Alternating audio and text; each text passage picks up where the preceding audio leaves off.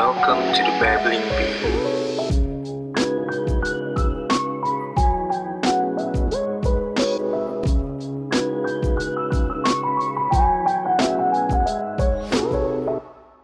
Hello Birds and Birds, welcome to Babbling Big. I'm your host Talia Aulia.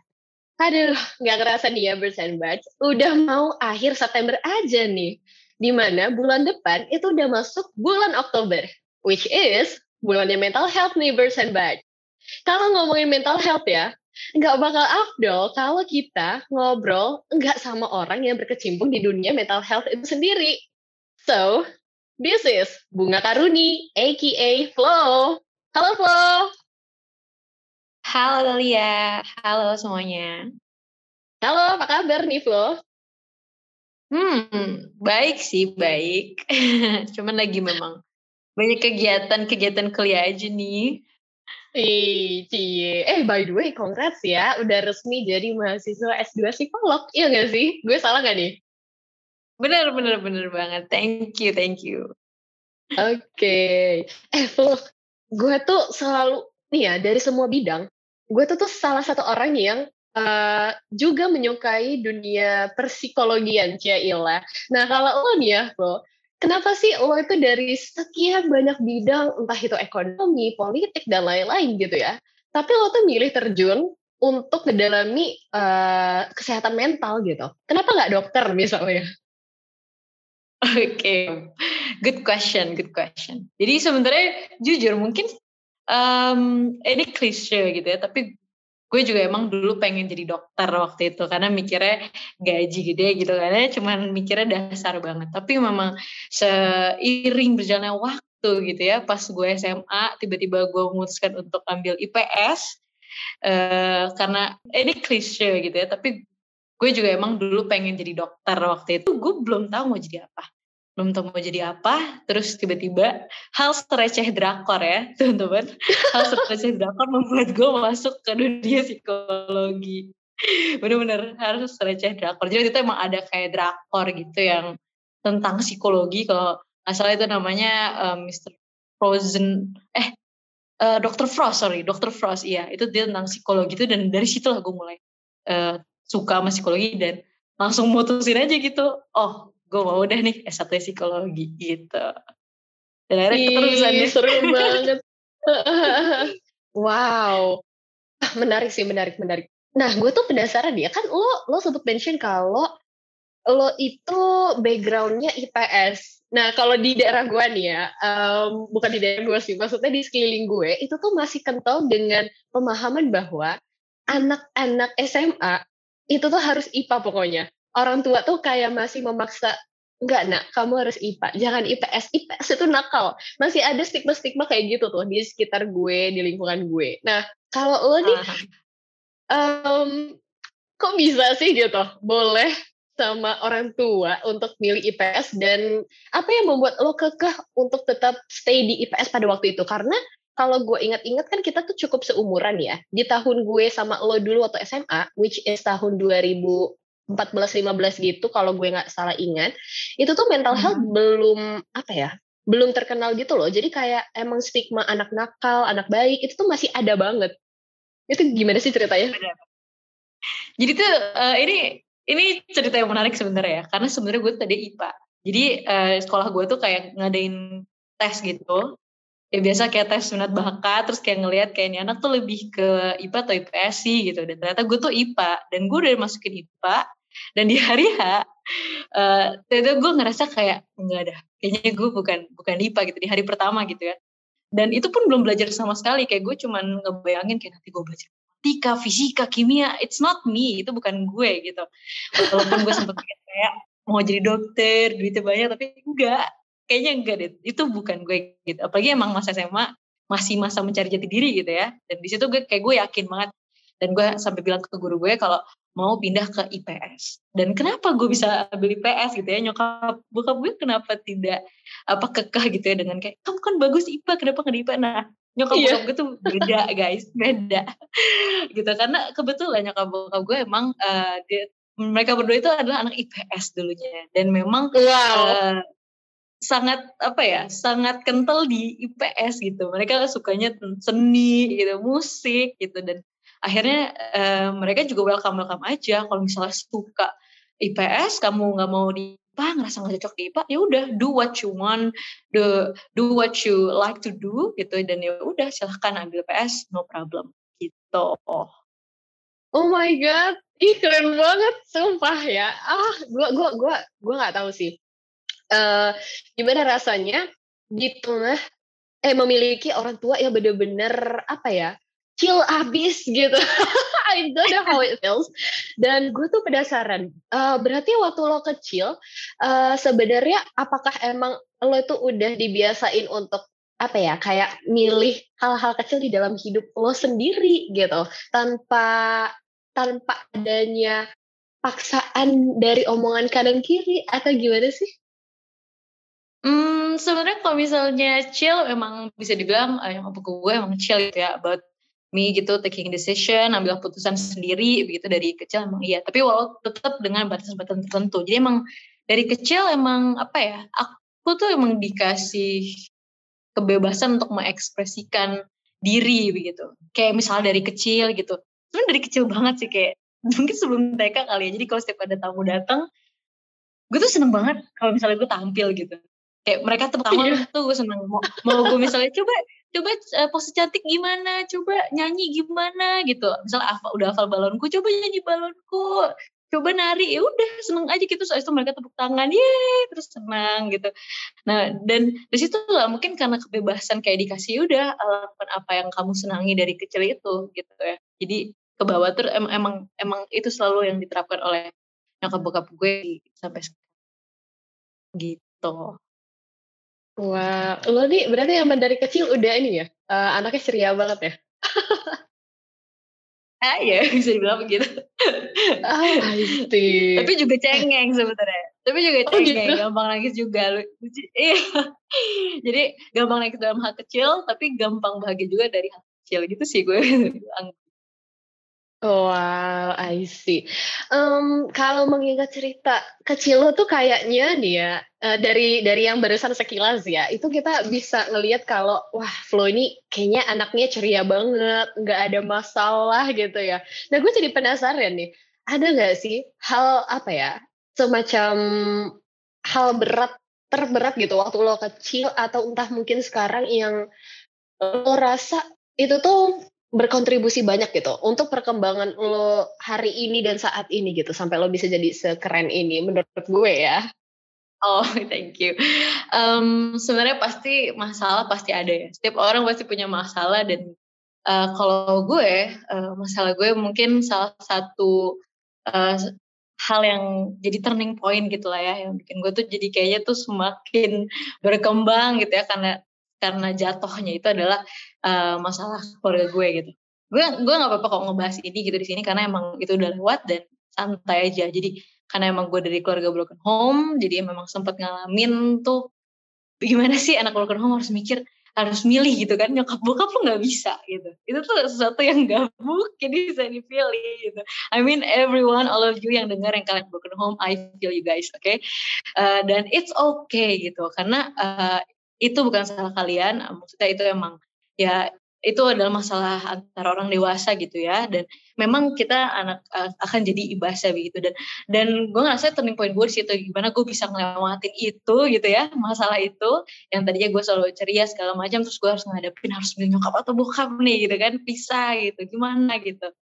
Dan uh, ternyata gue bisa ngelewatin itu walaupun dengan banyak apa ya air mata mungkin ya bisa dibilang begitu. Tapi uh, di situlah mungkin salah satu masalah besar yang ngubah gue bisa apa ya bisa dibilang batu loncatan gitu ya.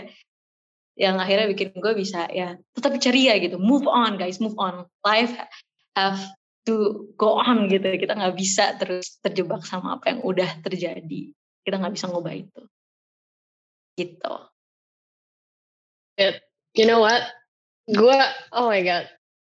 I don't know nih ya. Hmm, sorry kalau kita bawa-bawa umur nih ya. Tapi umur lo tuh lebih muda daripada gue. Oh, oh my god. but, but pemikiran lo itu luar biasa bijak. Jauh daripada apa ya anak-anak seumuran lo gitu. Oh my god, gila. Maksud gue lo tuh bisa ngomongin air mata, perpisahan, broken home itu dengan se bukan excited ya, sorry. Tapi se apa ya? Selepas itu dan seikhlas itu, menurut gue itu bukan hal yang mudah gitu untuk uh, ya orang-orang seumuran lo gitu. Dan apa sih uh, yang membuat lo bisa sekuat itu dan saat di uh, saat lo lagi merasakan apa ya rasa sedih atau kecewa atau apa pun itu rasa yang negatif itu tadi gimana cara lo melepaskan itu semua gitu Oke, okay. hmm, sebenarnya it's a long story of course. Uh, jalannya tuh panjang untuk bisa sampai akhirnya gue selalu gue sekarang untuk ngomongin itu gitu. Pasti ada saatnya pas lagi pas kejadian pun gue nggak nggak mungkin bisa ngomong sebebas ini. Tapi gimana gue cope dari uh, masalah itu gitu ya itu pasti pertama itu menerima sih. Dan itu tahap paling susah menerima kenyataan itu tahap paling susah dan tahap yang mungkin gak cuman gue doang ngalamin setiap orang pasti ngalamin itu di saat mereka harus ngadepin sesuatu yang dia tuh eh, nggak uh, mau atau nggak terima itu kejadian dalam hidup dia. Dan setelah gue bisa gitu ya dan gue sebenarnya uh, belajar psikologi itu membantu gue untuk menerima itu ya. Karena itu itu eh, nggak uh, cuman butuh waktu setahun dua tahun untuk uh, bisa lepas dari perasaan apa ya uh, guilt gitu ya ngerasa bersalah atau ngerasa sakit hati begitu ya itu gue butuh waktu mungkin tiga tahun bisa bilang ya. Dan itu pas akhirnya uh, tiga tahun atau bahkan lebih gitu karena sebenarnya itu proses. Jadi setiap uh, apa ya setiap tahunnya gue semakin kuat semakin kuat semakin kuat gitu. Karena pasti akan ada suatu hal yang mengingatkan kita kembali sama hal itu. Dan dengan akhirnya gue setiap tahunnya mulai menerima sedikit demi sedikit sampai akhirnya gue menerima keseluruhan bahwa itu kejadian, itu nyata, itu nggak bisa kita uh, apa ya, kita nggak bisa denial gitu, kita nggak bisa ngehindarin itu, kita harus nerima itu gitu. Dan setelah akhirnya sedikit demi sedikit gue ngebuka hati gue dengan kenyataan yang pahit begitu ya, uh, dan dari situlah akhirnya gue mulai bisa legowo gitu. Karena sebenarnya itu jadi tolak ukur juga teman-teman. Mungkin teman-teman di sini gitu ya, uh, kalau kalian udah bisa ngomongin masalah kalian legowo tanpa ada dendam tanpa ada rasa uh, apa ya berat gitu ya itu berarti kita udah ngelewatin itu. Itu. Itu itu hmm. good point yang gue pengen juga sampai sekarang. Kalau misalnya gue udah bisa ngomongin itu cara legowo berarti gue udah ngelewatin itu. Tuh. Oh wow. gitu. oh Lo gue mau nanya satu hal nih. Um, oh my god, this is so personal, but okay, let's ask Flo karena gue rasa Flo orang yang tepat untuk menjawab ini.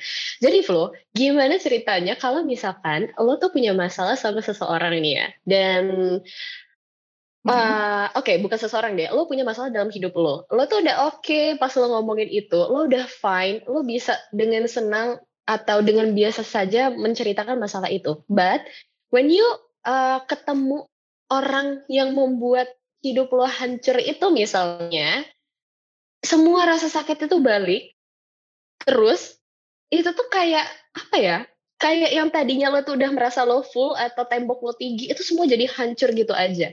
Nah gue pengen nanya sama lo kalau lagi di kejadian kayak gitu tuh sebenarnya udah healing kah udah menerima kah udah ikhlas kah atau belum sih? Soalnya pas ketemu orangnya lagi itu bener-bener kayak semuanya tuh kembali sakitnya, traumanya, apa gitu-gitu. Menurut lo gimana? Mm -hmm.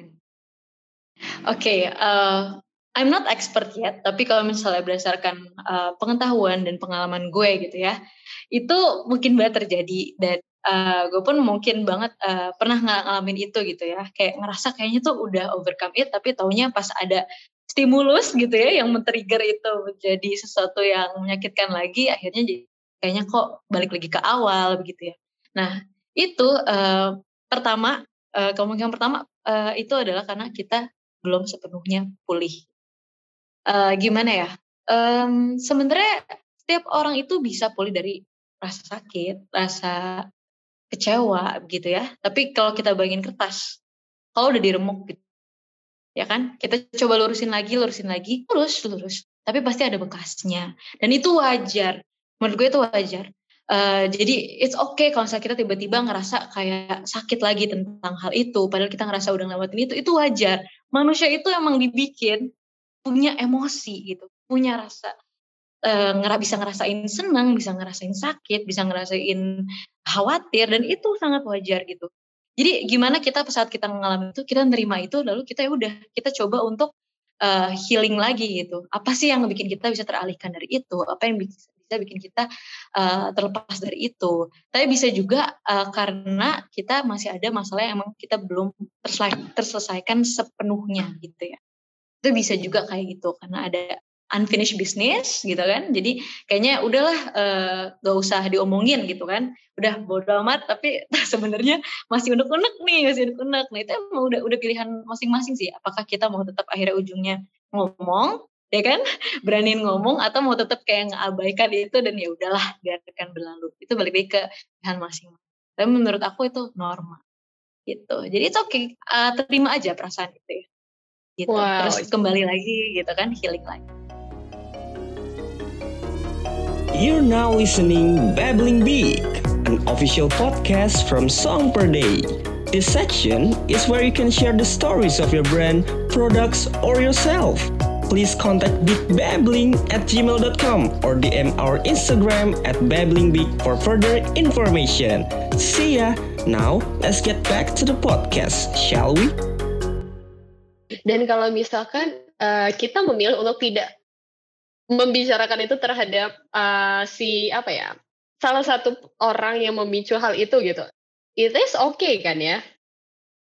It's okay, it's okay, it's totally okay. Uh, it's your choice itu. Kalau misalnya lo ngerasa nyamannya kayaknya gue lebih nyaman kalau gue nggak ngomongin. Ya udah, jangan. Don't don't bother yourself uh, to dig your pain begitu ya, seperti garami luka begitu kan ya. Ya udah, ya, misalnya uh, kalau misalnya ngerasa kayak gue baik-baik aja kok tanpa gue harus apa sih ngomongin itu, gue pengen ya udah let it go gitu ya biarkan Tuhan yang membalas begitu misalnya ya udah gitu it's okay tapi kalau misalnya tiba-tiba ngerasain sakit ya udah terima gitu terima rasa sakit terus let yourself heal gitu Gitu wow, I see. Eh, gue suka banget sih sama sudut pandang lo as a, apa ya? Kalau gue tuh menyebutnya sudut pandang seorang konselor. Oh my god, lo cocok banget. Lo lo udah keren banget. amin, amin. Soon to be ya. amin. Eh by the way ya, uh, gue tuh sering mendengar stigma-stigma atau pandangan-pandangan yang apa ya, yang tidak uh, sedikit negatif tentang psikologi. Jadi gue tuh sering dibilang kayak gini, uh, eh kalau misalkan lo masuk psikologi tuh ya, itu tuh sama aja kayak berobat jalan dan kalau lo gak kuat ya nanti bisa gila loh bener gak sih Flo menurut lo tentang pandangan itu Oke, okay. jujur, jujur eh, itu ada juga di uh, kampus gue gitu ya. Teman-teman gue juga bicara iya kan kayak di psikologi itu lo berjalan kan? Gitu kan. Ceng-cengannya gitu kan ya. Begitu. Tapi uh, um, gimana ya, in some cases maybe it's right. Mungkin orang ada yang ambil psikologi karena dia pengen cari tahu gimana cara gue bisa nyembuhin diri gue. Tapi uh, bukan berarti kalau misalnya nggak buat jadi gila begitu ya. I mean kalau misalnya lo nggak ikut psikologi pun, kalau misalnya lo nggak bisa ngatasin masalah lo dan lo misalnya akhirnya meng, apa ya uh, tidak melakukan apa pun untuk menyembuhkan itu dan biarkan kok numpuk numpuk numpuk ya, gimana orang nggak gila gitu ya? Itu wajar banget. Gak usah lo gak ambil gak usah lo ambil psikologi gitu ya. Kalau misalnya lo misalnya ada lo ada luka mendalam atau ada masalah lo tumpuk tumpuk tumpuk tumpuk lo nggak bisa ngatasin you don't do anything about it lo you gone crazy man. You gone crazy gitu. Lo bisa gila lo bisa gila gitu. Gitu. Jadi menurut gue itu stigma-stigma yang gak bisa uh, dibenarkan sih gitu ya. Karena gue ngalamin juga temen gue ada sih yang kayak misalnya gugur gitu. Gugur tuh maksudnya akhirnya nggak ngelanjutin gitu ya. Jadi kayak baru tahun ketiga ah nggak kuat nggak kuat nggak kuat. Tuh karena materinya tuh berat. Tapi abis itu mereka hidup baik-baik aja. Gue liat Instagram mereka, they living their life gitu kan, happily gitu yeah, kan, bukan yang kayak kurung di RSJ gitu. No, no, no, no. It, it's not, it's not uh, apa ya, it's not valid gitu ya. Jadi kalau pengalaman gue gitu ya, mungkin yang poin pertama benar, ada beberapa yang emang kayak berubah jalan gitu, bahasa kasar ya. Tapi itu kasar banget sih untuk ngomong kayak gitu ya tapi bisa bilang ya kita mencoba untuk cari self healing gitu. Kayak gimana sih uh, gue pengen tahu tentang manusia kan kalau psikologi kan dia pengen tahu tentang manusia gitu kan apa pikiran yeah. dia perilaku emosi begitu ya. Jadi uh, dengan begitu kita juga akan belajar gimana sih caranya untuk um, menyembuhkan luka gitu juga pasti ada di, di di situ gitu kan. Kita diajarkan juga situ. Jadi it's okay kalau misalnya ada orang ngambil pilihan. Ya ngambil pilihan karena dia misalnya ngerasa dia pengen nyembuhin luka masa lalu dia ya udah jangan dicengin guys gitu. Oke okay, gitu kan. Gue yakin juga lo mungkin juga ada masalah-masalah yang pengen lo sembuhin tapi mungkin cara lo beda. Jadi ya don't judge people gitu kan. Kayak gitu I see. Berarti kalau bisa gue simpulin ya dari cerita lo barusan, sebenarnya orang-orang yang katanya bisa gila kalau masuk psikolog itu uh, jurusan psikologi itu mungkin karena memang dari apa ya asalnya dasarnya memang dia tuh punya banyak banget luka dan pas itu disadarkan ceder gitu kan di kuliahnya itu membuat dia jadi teringat kembali iya terus juga dengan banyaknya tugas dan mata kuliah yang susah banget itu ditambah dia lukanya teringat kembali itu kan akhirnya membuat dia makin stres yang uh, kalau orang normal ke psikolog atau ke psikiater itu kan mereka saat teringat kembali dengan luka mereka akan dikasih terapi khusus gitu kan untuk menyembuhkan luka itu. Tapi when it comes anak psikologi yang masuk ke jurusan psikologi dan dia tuh memiliki banyak luka uh, da, apa ya dia tuh nggak punya waktu gitu untuk menterapi dirinya atau bahkan untuk melakukan uh, eh, self healing tadi karena banyak tugas yang susah susah banget gitu kali ya mungkin. Hmm, sebenarnya ya uh, itu nggak akan terjadi kalau misalnya kita benar-benar belajar psikologinya benar gitu. Kenapa uh, gue ngomong gitu? Karena sebenarnya di psikologi pun kita diajarkan bahwa kalau lo ngerasa there's something wrong with you, go to a psychologist, go to a psych psychiatrist gitu kan. Nah kalau misalnya dia udah tahu gitu kan, kita belajar gitu, bahkan itu sangat dasar gitu ya. Kalau misalnya lo uh. merasa lo there's something wrong with you gitu kan, and you need a professional help, then go gitu kan to psychologist. Lo pergi ke psikolog gitu, kayak gitu. Jadi sebenarnya it's it's not gonna happen gitu ya, nggak akan terjadi kalau misalnya memang dia ya benar-benar memahami betul-betul gitu ya uh, apa yang diajarkan iya, iya, iya. gitu sih. Jadi it's a rare case actually dan it's actually a myth for me gitu. Ya. Ah, oke. Okay. Mungkin terjadi in some cases but it's a rare case gitu. Gitu. Okay. Yang enggak enggak enggak sering terjadi. Gitu. Oke, okay, berarti emang uh, murni kalau ada orang-orang yang mundur, ya udah emang susah aja mata kuliahnya dan bukan passion dia gitu ya. iya, biasanya karena berat mata kuliahnya sih. Mereka bukan mundur karena maksudnya mereka masalah mereka terus trauma mereka iya. terpancing nggak ada sih mereka oh. lebih karena emang berat terlalu banyak apa paperwork begitu ya dan mereka ngerasa kayak kayaknya ternyata gue nggak terlalu demen dah belajar beginian gitu kan soalnya gue misalnya yeah, yeah. suka uh, sport or something else yang lebih easy gitu misalnya buat mereka gitu buat kita nggak ya oke okay gitu kan it's your choice I see. By the way, lo ini kan uh, eh ini gue tuh menurut gue ya lo ini salah satu orang yang kehidupan persosmetannya ini cukup menarik nih bagi gue ya. Karena gue lihat-lihat nih lo di IG first lo di Instagram first lo itu tuh kosong melompong. Ada sih cuma satu. Hampir kosong. Hampir kosong posannya. Tapi di Instagram kedua lo nih ya itu penuh banget sama karya lo karya nyanyi lo nih Flo sebenarnya what happened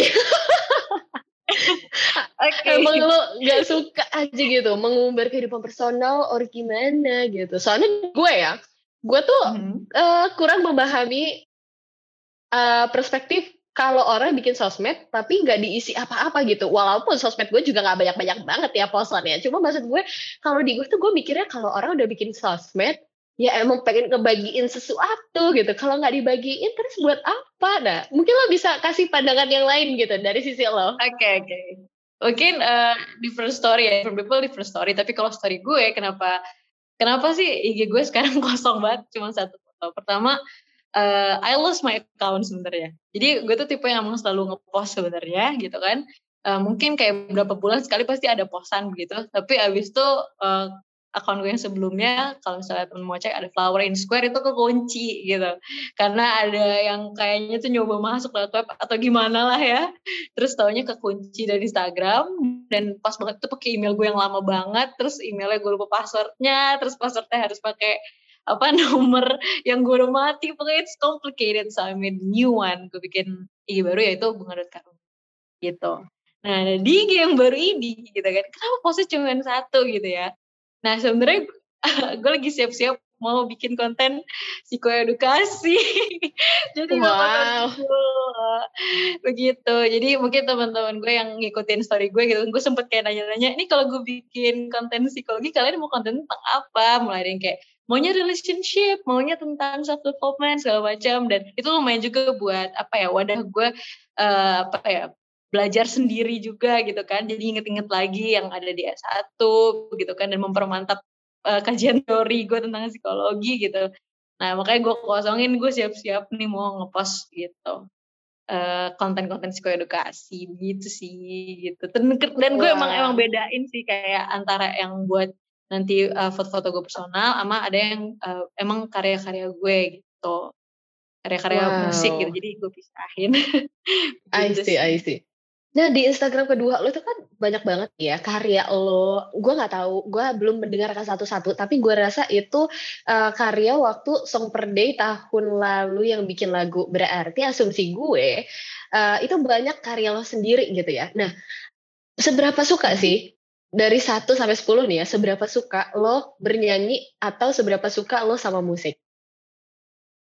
10. wow. Tapi sebelas sekali ya, kayak gue tuh bener-bener senang banget sama musik gitu. Bahkan uh, kenapa gue akhirnya pengen nyoba-nyoba bikin lagu gitu ya, gitu. Hmm. Ya itu awalnya juga karena gue tertarik buat sama musik. Gue pengen bikin salah uh, satu gitu misalnya, nyoba bikin satu dan akhirnya uh, karena ada ya song per day ini ya jadi malah bikin banyak banget dalam waktu yang singkat begitu mm-hmm. jadi I really love music dan gimana ceritanya lo tuh bisa sesuka itu sama musik gitu? Apakah emang dari orang tua atau gimana tuh? Oke, okay. jadi kalau musik itu memang ada sih sumbangsi dari orang tua, betul begitu. Jadi uh, pertama dari yang tadi ya uh, kalau misalnya teman-teman ingat tadi aku sempat cerita seneng banget kalau misalnya tampil gitu kan di depan tamu waktu masih sebelum sekolah bahkan ya nyanyi-nyanyi segala macam tapi ternyata yang paling sering aku lakukan tuh nyanyi gitu begitu. Dari situ akhirnya kelas 1 SD sama nyokap gitu ya dimasukin. Yaudah ikut padus aja ikut padus gitu kan. Terus kayaknya dari situ nyokap ngeliat wah nih ada ada potensi nih buat nyanyi nyanyi gitu. Kamu suka nyanyi? gitu kan. Suka suka gitu kan dari kecil. Ya udah wow. akhirnya pas kelas 4 gitu ya ada kesempatan untuk ngambil vokal ya udah akhirnya ngambil gitu. Cuman ya cuman setahun gitu ya belum setahun genap itu udah keluar karena nggak bisa ngerasa kayaknya tuh nggak nangkep nangkep gitu loh e, maksud dari gurunya gitu kan nggak nggak nggak bisa ngerasa kayaknya tuh teknik vokal gue kok nggak meningkat ya gue paham nih uh -uh. apa napas perut tapi kok kayaknya gue nafas dari dada mulu gitu nyanyinya jadi kayaknya nggak nggak nggak nggak cocok gitu kan nggak klop sama gurunya akhirnya uh, keluar dan akhirnya mulai otodidak belajar sendiri gitu kan kebetulan bokap juga apa sih dulu tuh apa ya anak band gitu ya wow. anak band kayaknya dari situ sih kayaknya bokap sering banget nyalain lagu di mobil jadi banyak stimulus stimulus di keluarga juga bikin gue jadi makin apa ya involve gitu ya terlibat sama yang namanya musik ini jatuh cinta dan akhirnya ada sekarang ini gitu bikin-bikin lagu. Wah keren sih. Ini uh, kan lo bilang kalau misalkan orang tua itu ya bisa bil, uh, bisa dibilang memberikan kontribusi yang cukup besar lah ya dalam lo menyukai musik ini. Nah sebenarnya uh, lo itu penyanyi, lo lo lo ini bisa disebut penyanyi gak nih? Boleh gak nih gue um, bilang lo penyanyi? boleh gak sih udah boleh gak sih boleh lah ya kan lagunya udah ada yang rilis boleh boleh berarti ya oke okay. sebagai seorang penyanyi lo tuh uh, penyanyi yang genre-nya ke arah mana sih sebenarnya Flo? Hmm oke okay. uh, eh, ini menarik sih kalau misalnya nyanyi gitu ya gue emang lebih suka ke yang pop sih ke pop pop pop pop galau ya pop galau iya galau banget kayaknya hidupnya ya tapi aku emang lebih ke pop galau sih ha. Anak indie lagu pop tapi yang hmm? Indi. Anak Indi senja nggak? Anak-anak senja nggak? Ke sana sih, tapi mungkin uh, suka beberapa lagu indie tapi emang lebih kayak ke pop pop yang uh, berlantunkan tentang sakit hati gitu-gitu. Hei kamu, Iya, kamu yang sukanya makan enak dan praktis. Kini sudah ada mangkok kotak loh, salah satu pionir Saikoro Rice Bowl di Pamulang. Mangkok kotak juga menyediakan menu ayam, tahu, kentang, bahkan dessert. Yuk langsung dipesan, follow juga Instagramnya ya, at mangkokkotak. Oh, kalau gitu uh, sebutin tiga penyanyi favorit lo dong. Tiga penyanyi favorit. Hmm, ini, ini agak sulit ya, karena sebenarnya gue banyak banget ininya, apa, referensinya ya, jadi ngacak gitu. Tapi kalau misalnya yang gue inget sekarang ya, yang langsung ada di otak gue, um, gue suka sama Run, lagu-lagu Run. Terus uh, kalau misalnya di luar tuh gue suka beberapa lagu Norah Jones, dan gue suka lagu lagu The Beatles, ini gara-gara bokap sih kalau ini, lagu Beatles. Tapi saya banyak sih kayak Raisa, Isyana, Isyana, itu Isyana tuh bagus sih uh, gue suka banget sama Isyana karena ya dia gimana dia bisa ngebawain tentang sakit hati tuh in a very good music gitu. Kayak gitu. Asli asli sih. Dan lo ini udah nyanyi dari umur berapa sih Flo sebenarnya? Hmm bisa bilang nyanyi dari ya itu ya dari sebelum gue sekolah kayaknya.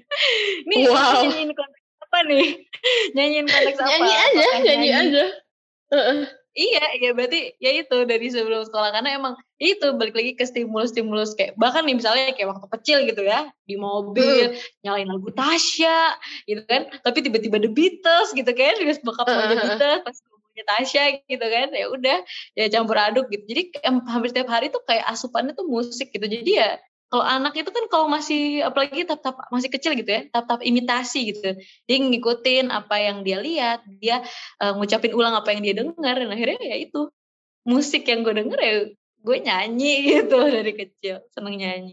Oke, okay, gitu. jadi kalau mungkin bisa dibilang kalau orang-orang itu uh, waktu kecil belajar membaca dan menulis dan berhitung, kalau Flo itu udah udah jago nyanyi dulu ya dari sebelum sekolah malah. Mungkin uh, bukan jago nyanyi kali ya, tapi seneng nyanyi gitu. Lebih daripada ngerjain PR matematika, lebih seneng nyanyi-nyanyi gitu kan. Iya, oke oke. Dan uh, kan lo kan lo suka ini ya, lo suka lagu bergenre pop dan semacamnya gitu. Nah, kalau lo sendiri uh, pengen dikenal jadi penyanyi yang gimana atau bergenre apa sih gitu? Atau misalnya uh, lo suka pop tapi bisa jadi kan uh, lo pengen jadi penyanyi rock misalnya siapa tahu gitu? Atau gimana nih? Um, kalau gue kebetulan emang lain sih, maksudnya uh, sejajar gitu ya. Jadi gue suka denger pop dan jadi gue pun pengen dikenal sebagai uh, penyanyi yang emang lagu-lagunya tuh lagu-lagu pop yang uh, tapi memang melantunkannya itu sih balik lagi melantun tentang sakit hati pain gitu. Tapi uh, healing juga sebenarnya gue pengen juga mulai ngeproduksi lagu-lagu yang uh, bertemakan tentang healing gitu ya penyembuhan dari luka-luka begitu sih. Sebenarnya apa sih Flo yang ngebuat lo apa ya concern banget gitu sama pain, uh, perasaan, sama apa ya, uh, sesuatu yang sedih-sedih gitu. Itu apa yang membuat lo tertarik ke arah sana gitu? Ada alasan khususnya gak sih?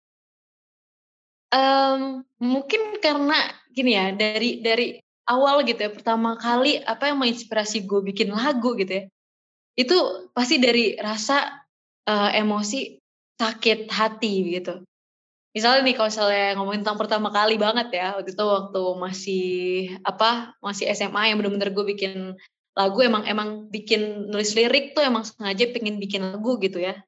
Nah itu tuh berdasarkan dari sakit hati gitu.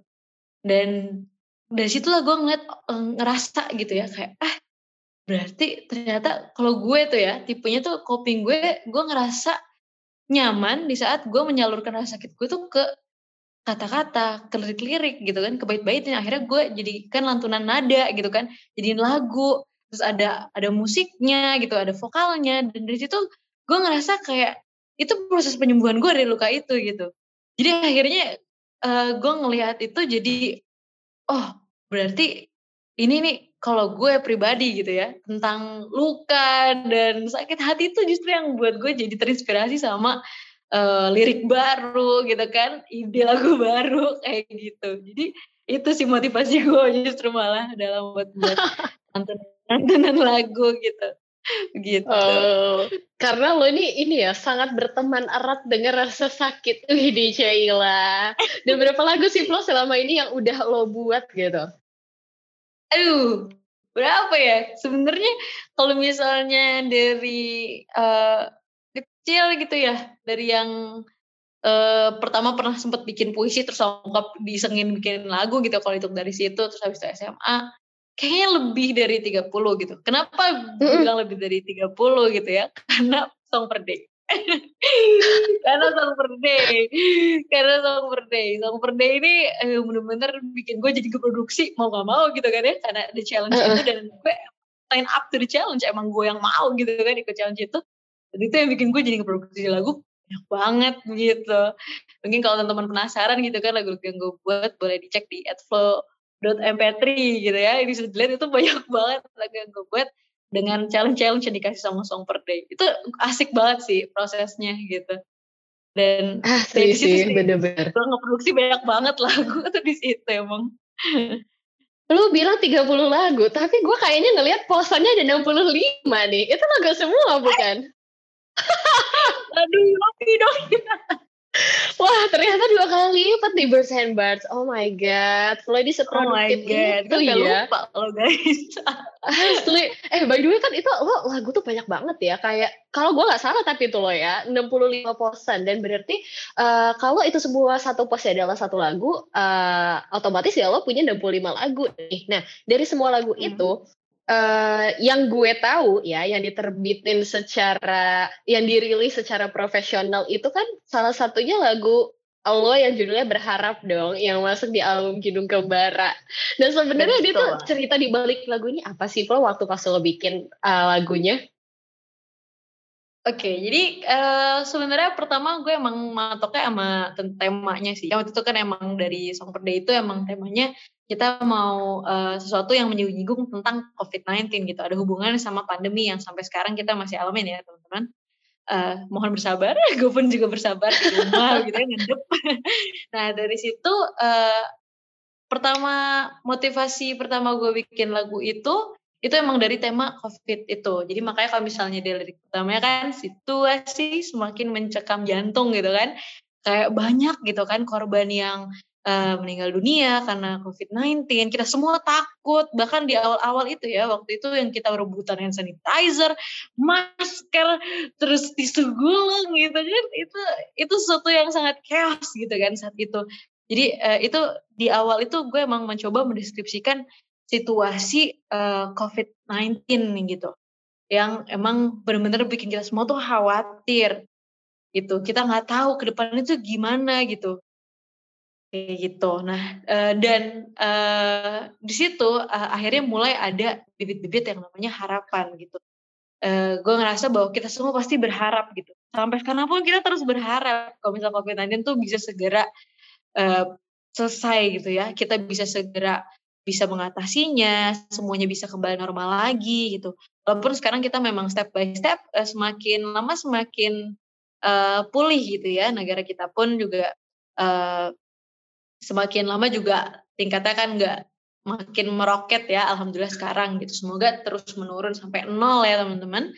Uh, dan di situlah mungkin ya uh, aku uh, berharap itu berangkat dari COVID-19 kekhawatiran di COVID-19 selama pandemi uh, dan harapan bahwa pandemi itu akan segera berlalu dan kenapa sih ada kata-kata jika hanya berharap bolehkah diriku karena kayaknya itu satu-satunya uh, hal yang bisa kita lakukan gitu kan kita nggak bisa ngapa-ngapain mm -hmm. kita cuma bisa berharap ya selain mengikuti prokes ya teman-teman pada pakai masker kan iya. ke mana-mana ya benar-benar benar prokes ya kita cuma bisa berharap gitu jadi itu sih gitu. Tapi emang agak dibikin ambigu agar bisa masuk juga kalau misalnya seandainya itu dalam situasi orang yang mungkin dia lagi berharap tentang hubungan yang kayaknya tuh kayaknya mau hancur atau hubungan yang hubungan yang kayaknya tuh apa ya uh, kayaknya nggak mungkin terjadi itu juga bisa banget masuk ke ke mana-mana. Emang aku uh, bikin lagu itu emang sengaja rada apa ya ambigu gitu. Jadi bisa masuk ke situasi ini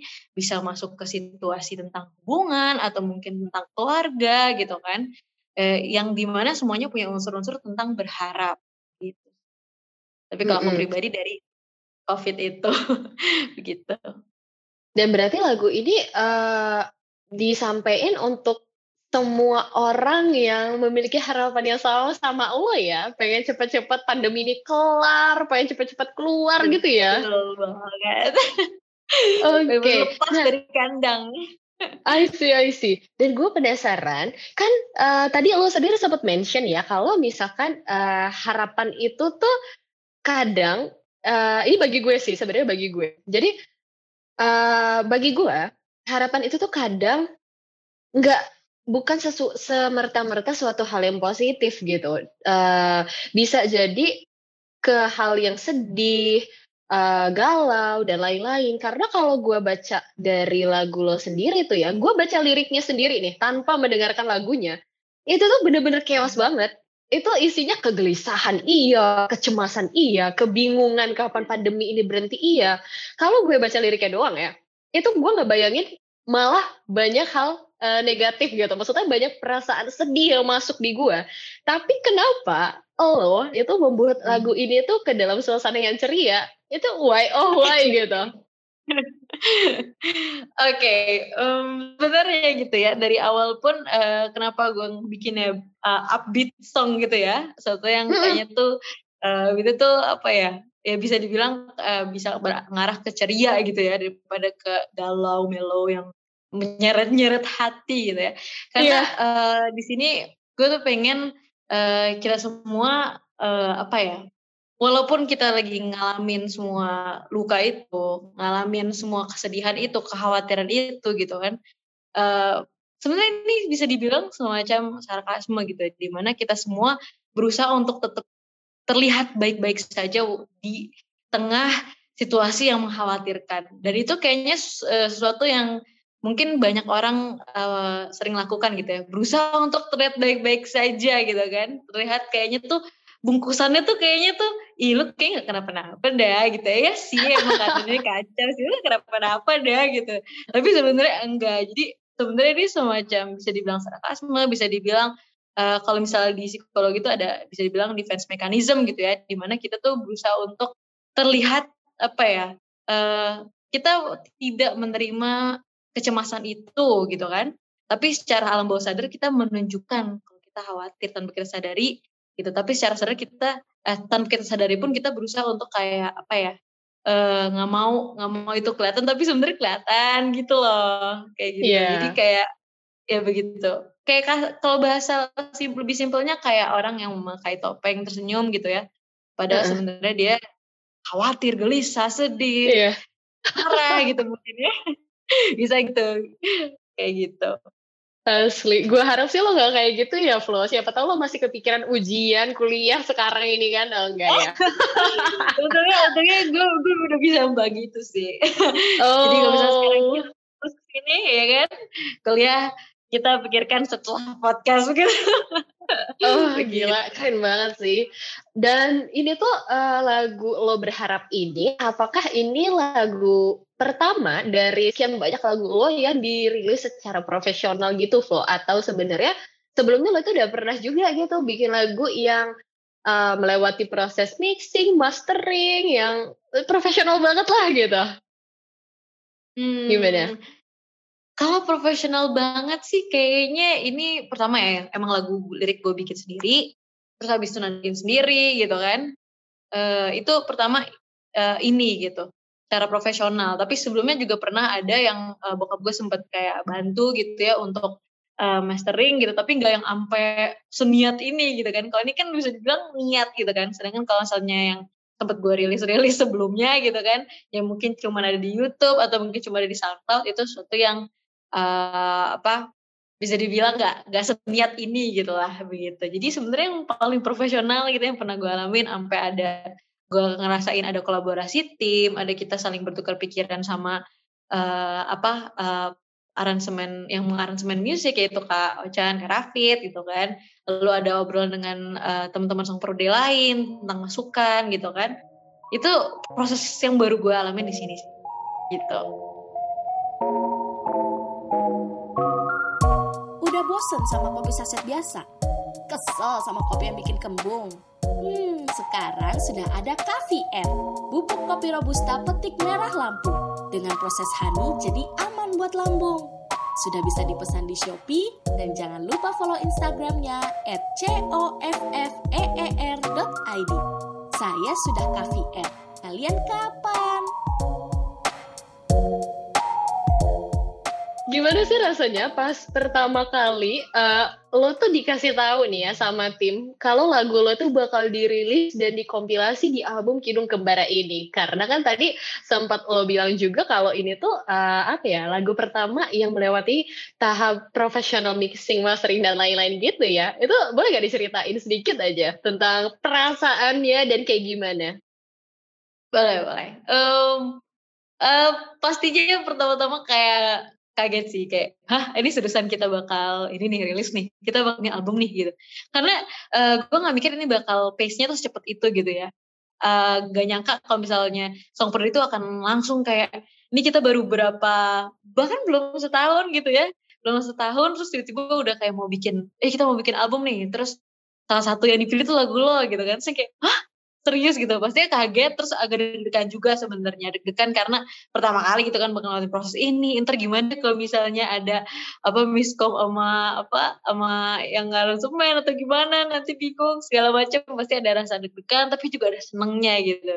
Jadi paling itu sih yang dirasain. Tapi selama proses berjalan gitu kan alhamdulillah lancar gitu kan. Malah banyak ngobrol asik serunya juga bareng kau sama Karafit gitu ya. Ngomongin tentang uh, hubungan gitu kan sama Kak Chan Karafi terus tapi kita juga apa banyak kolab apa ya kolaborasi yang kita lakukan juga kayak masukan dari aku masukan dari Kak Rafid masukan dari Kak Ochan dan itu suatu proses yang menyenangkan sih menurut aku. Mendebarkan dan menyenangkan karena mendebarkannya deg-degan pas rilis ya gitu kan.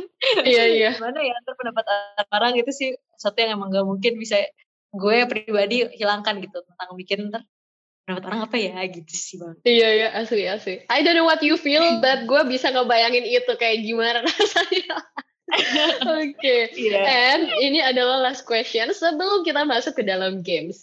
Uh, Flo, kira-kira ada gak sih hal yang mau lo sampein buat Flo kecil atau Flo di lima tahun yang lalu? Mangga.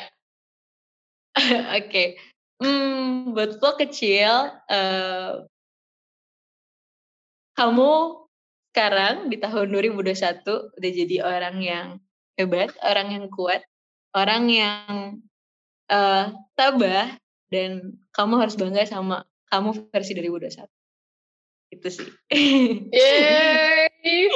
Keren banget.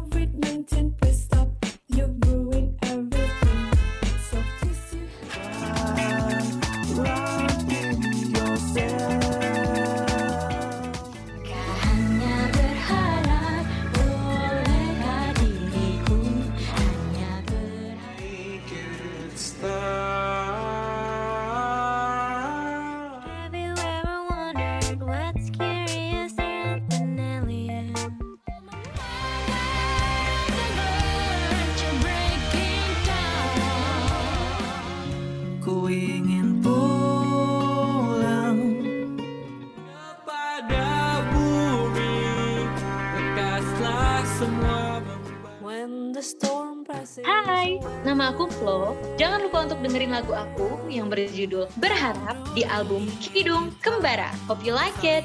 Bye. Pasti ada waktunya. Oke deh kalau gitu kita masuk ke sesi games ya itu pernah gak pernah. Jadi Flo Waduh. nanti uh, akan ada beberapa pertanyaan. Lo harus lo cuma harus jawab pernah atau nggak pernah dan jawab cepet, oke? Okay? Oke. Okay. Oke. Okay. Dekat ya gue ya. Kayak biar Oke deh, pertanyaan pertama.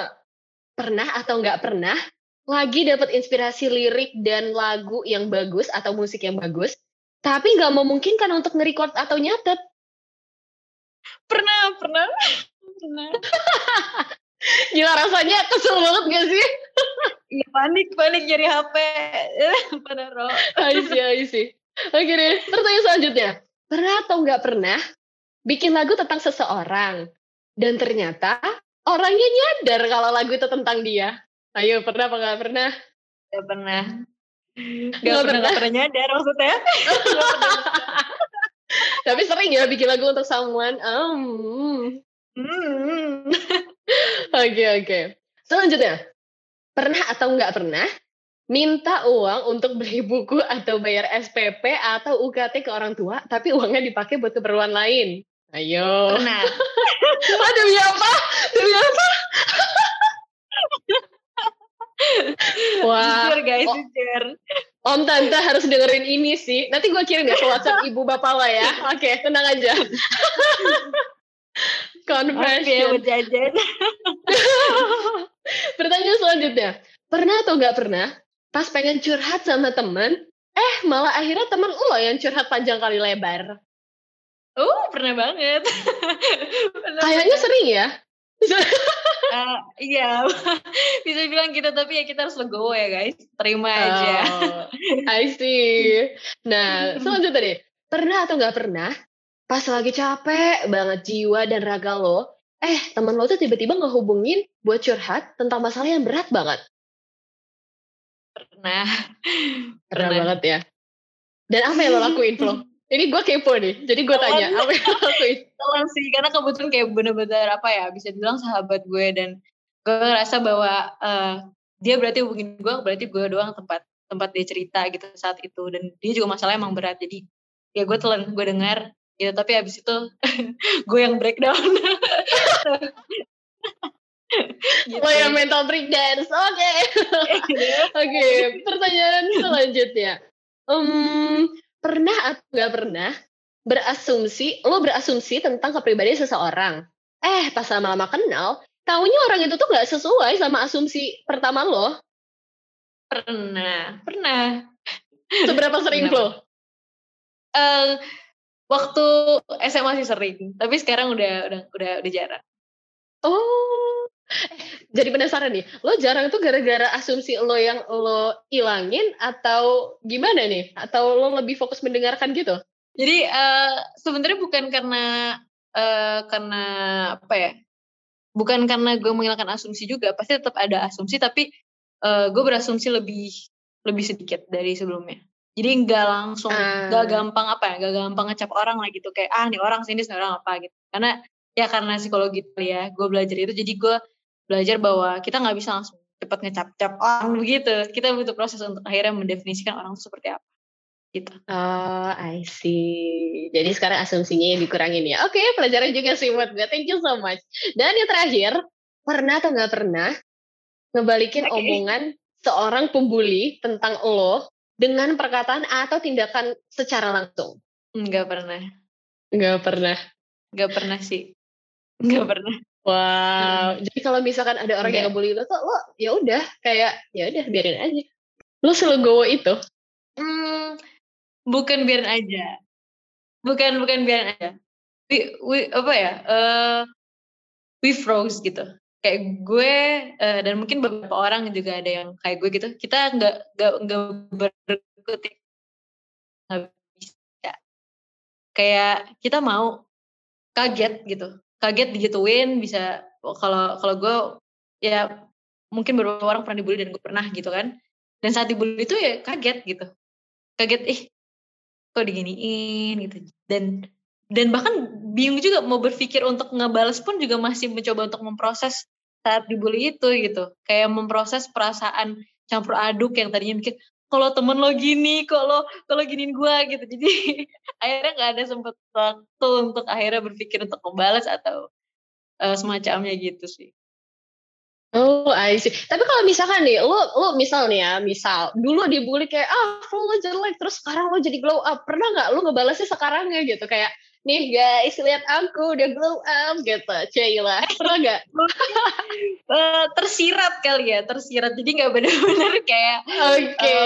Ini kayak ngomong eh ini yang kemarin dua tahun lalu Iya, iya. waktu gue kecil Baru-baru banget ya. Lo nggak kayak gue berarti. karena iya jadi kayak karena lo follow gue lo liat story gue makan tuh gitu kali ya mungkin Iya, kayak iya. gitu kali Oke, berarti pernah ya. Oke. oke Yeay, itu dia. Itu pertanyaan terakhir dari games kita malam ini. Dan makasih banyak ya Flo udah mau gabung bareng kita. Juga mau ngeluangin waktu lo di tengah-tengah kuliah dan mungkin lo lagi ujian kali ya sekarang. Pokoknya kuliah lo yang padat banget itu. Sukses terus ya Flo. Dan jangan lupa jaga kesehatan. Bye-bye. Bye-bye Talia, thank you. Oke, Bercand Bugs, Talia mau ngucapin terima kasih banyak buat kamu semua yang udah setia dan masih setia dengerin podcast Babbling ini. So, thanks for hearing us and stay creative.